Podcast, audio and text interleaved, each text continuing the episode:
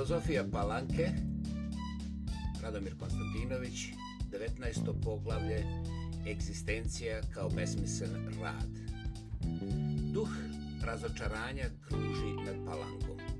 On je duh duha Palanke kao zatvorenog sveta koji je za sebe stvaran samo po sobstvenom iskustvu stvarnosti kao onoga što poznaje svoj kraj. Taj duh izražava se najčešće u zahtjevu za krajnjim rješenjem koje i jeste zahtjev za razočarenjem jer je neizbježno zahtjev za iluzijom koja je ugrađena u to razočarenje. Inercija koja vlada svijetom duha palanke uvijek je od mesa ovog razočarenja. Ako je ona jemstvo palanačko van egzistencijalne sigurnosti, sklonjenosti, izvan same egzistencije, Ona se i traži na način jedne podmukle lukavosti ovog duha koji želi da bude iluzoran da bi mogao da bude razočaran, odnosno da bi razočarenjem mogao da stigne do ravnodušnosti koja se kao ravnodušnost nepokreta potpuno podudara sa ravnodušnošću nepokretnog svijeta palati. Ravnodušnost koja je protivrečna kolektivno utilitarističkom duhu palanke jeste neizbježno njegova životna metoda. Ona je u samom načelu zatvoranosti kome se ovdje služi jedini i nezamjenjivi način njegovog života. Bez nje ne bi mogla da se održi ova zatvorenost i inače krajnje sumnjiva jer je nužno protivstavljena egzistenciji koja se njome ne miri. Radoznalost otvara, a ne zatvara. U tom smislu, ako duh palanke podržava ravnodušnost, on mora na način jednog nesravnjivog lokalstva da podržava i iluziju o mogućem krajnjem rješenju kao jemstvu svake sutrašnje ravnodušnosti, kao klici iz koje će njen svijet kržljavosti i klonulosti da nikne. Svijet duha palanke zato jeste svijet neprestanog iluzionizma, bujnog cvetanja iluzija koje u bujnosti svojoj još brže venu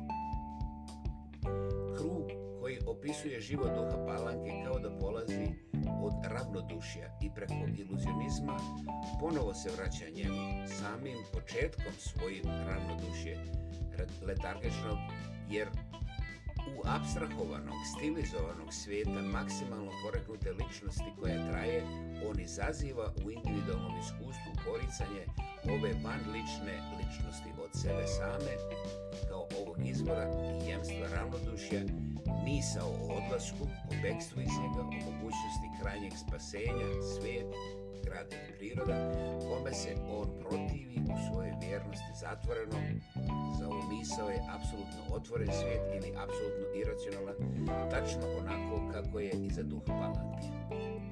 To je jedan nestvaran svijet, a verom u njega pojedinošnosti produžava sobom sam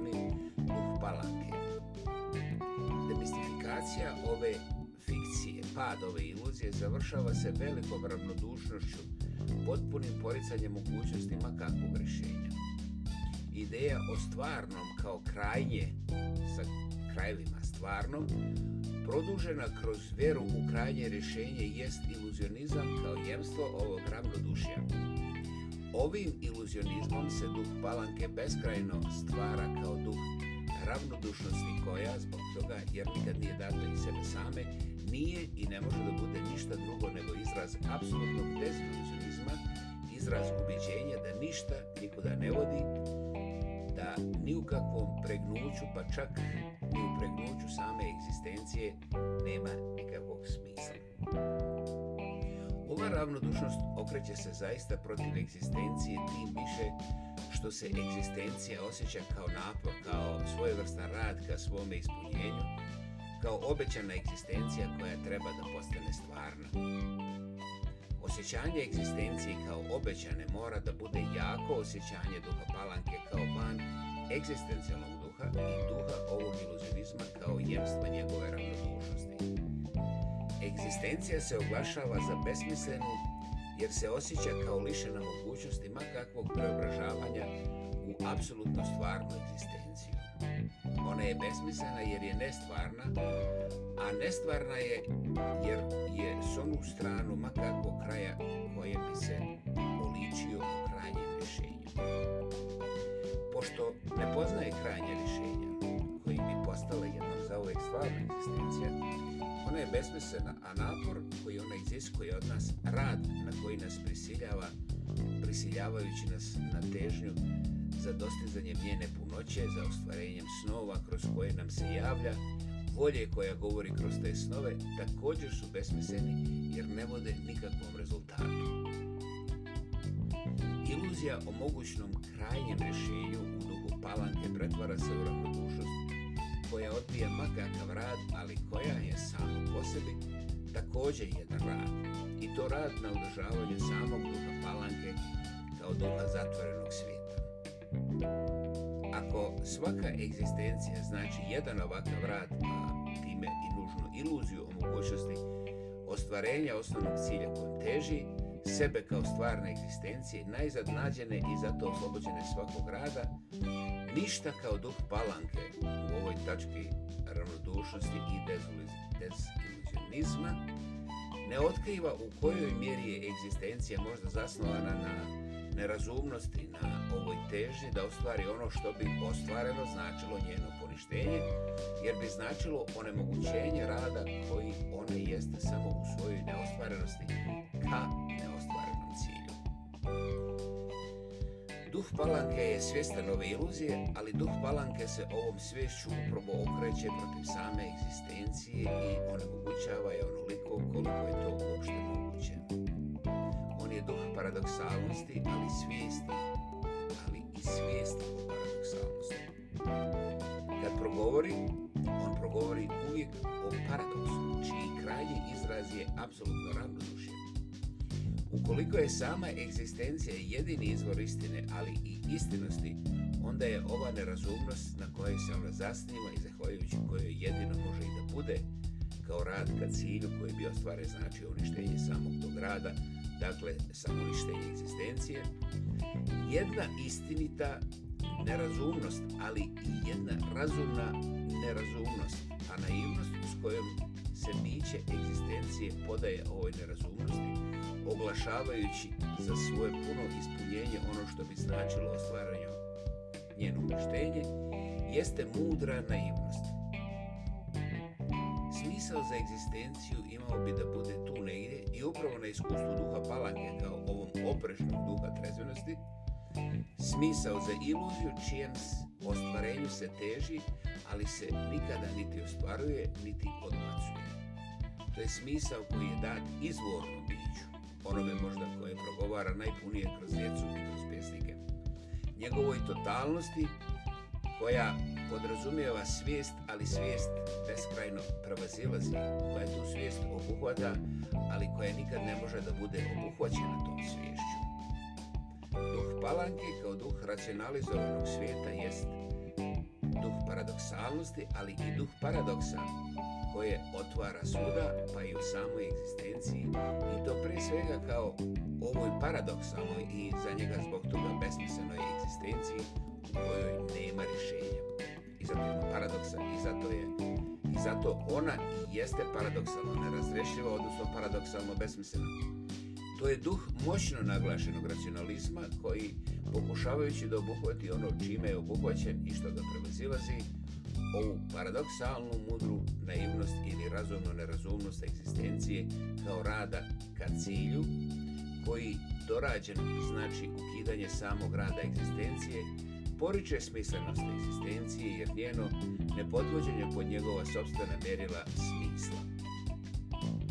Egzistencija koja je stvarna samo ako je iluzionistična, koja jedino biva vjerujući, imajući iluziju da će jednom da bude i koja je otvorena samoj sebi, samo na putu ka svom uništavajućem, a nedostižnom zatvaranju za duh palanke je beskrajno nezavršiva i nestvarna kao sve što je beskrajno nerazrešivo, pa u tom smislu besmisleno. U svom porisanju otvorenog, palanke neminovno ide i do poricanja smisla egzistencije kao za njega nemogućeg smisla otvorenog, odnosno smisla besmislenog. Njegov rad je zato rad protiv rada. U prvom redu, on je tu kao sukob svijesti sa bićem, pokušajem da se natjera život biće, da položi račune, da da dokaze o svojoj smislenosti i nalaženjem paradoksalnosti racionalne nerazrešivosti smislenog smislenosti besmislenog bića kao uvoda u potpunu potreženost ustav deziluzije duha koji se više ne vara i koji ne dozvoljava da bude obman.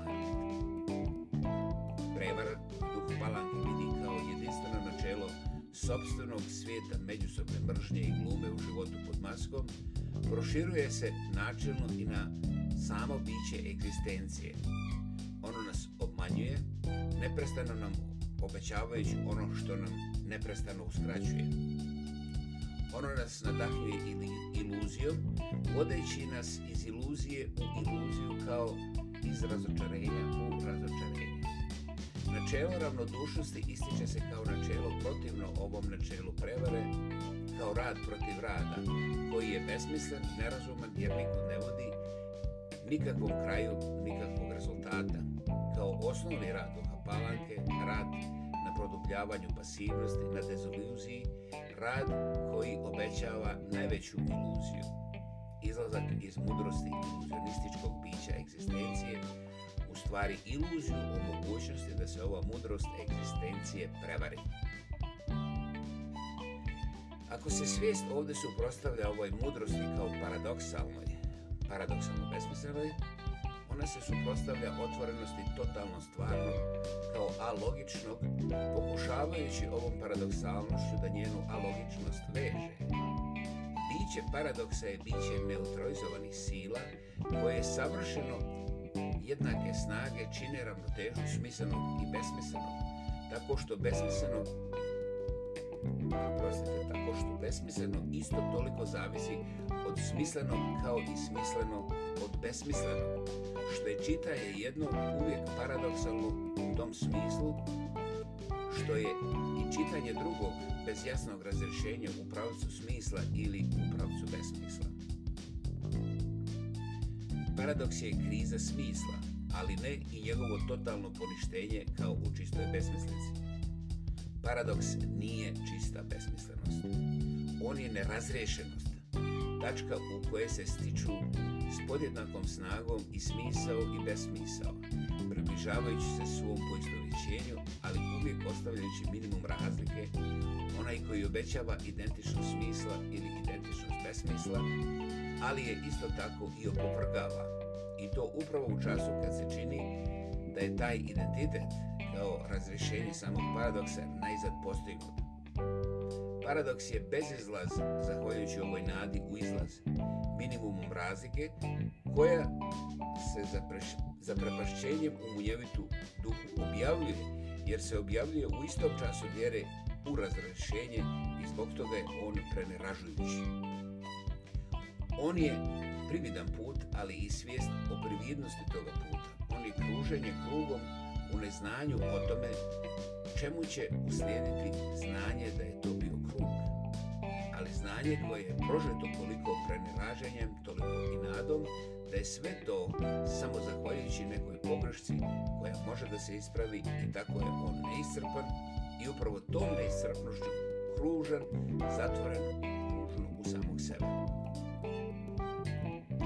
Balang je majstor paradoksalnosti u času jer ga iskoristava beskonačno otvoreno egzistencije. Ako ne može da se konačno oslobodi ovog iskušenja, on se beskrajno oslobađa paradoksalnošću koju otkriva u svemu pa i u samoj egzistenciji, zatvarajući je u njenu paradoksalnost kao nerazrešivost, kao nerazrešivi bezizgledni sukob smisla i besmisla, stvari smislenog besmisla i besmislenog smisla. Deziluzija ovde traži paradoksalnost koja je bezizgledna i umarajuća.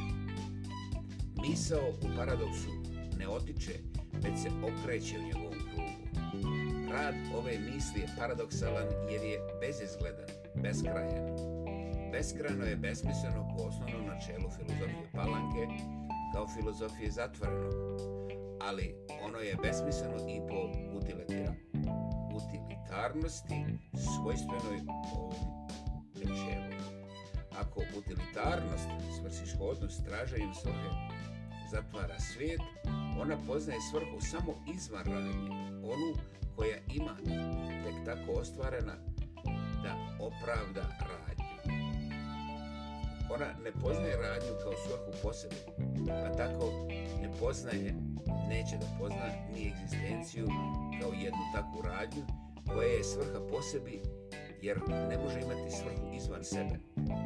Bog ne može biti ova svrha egzistencije izvan nje same jer Bog ne može biti svrha utilitarizma koji se ovdje pita o svrsi egzistencije samim tim što je utilitarizam opravdanje radnje dostižnim provjerljivim ciljima. Bog je ono nedostižno što duh Palanke i njegova filozofija prepušta njemu samom, ne pitajući se o njemu onako kako neće da se pita o beskrajno otvorenom. thank you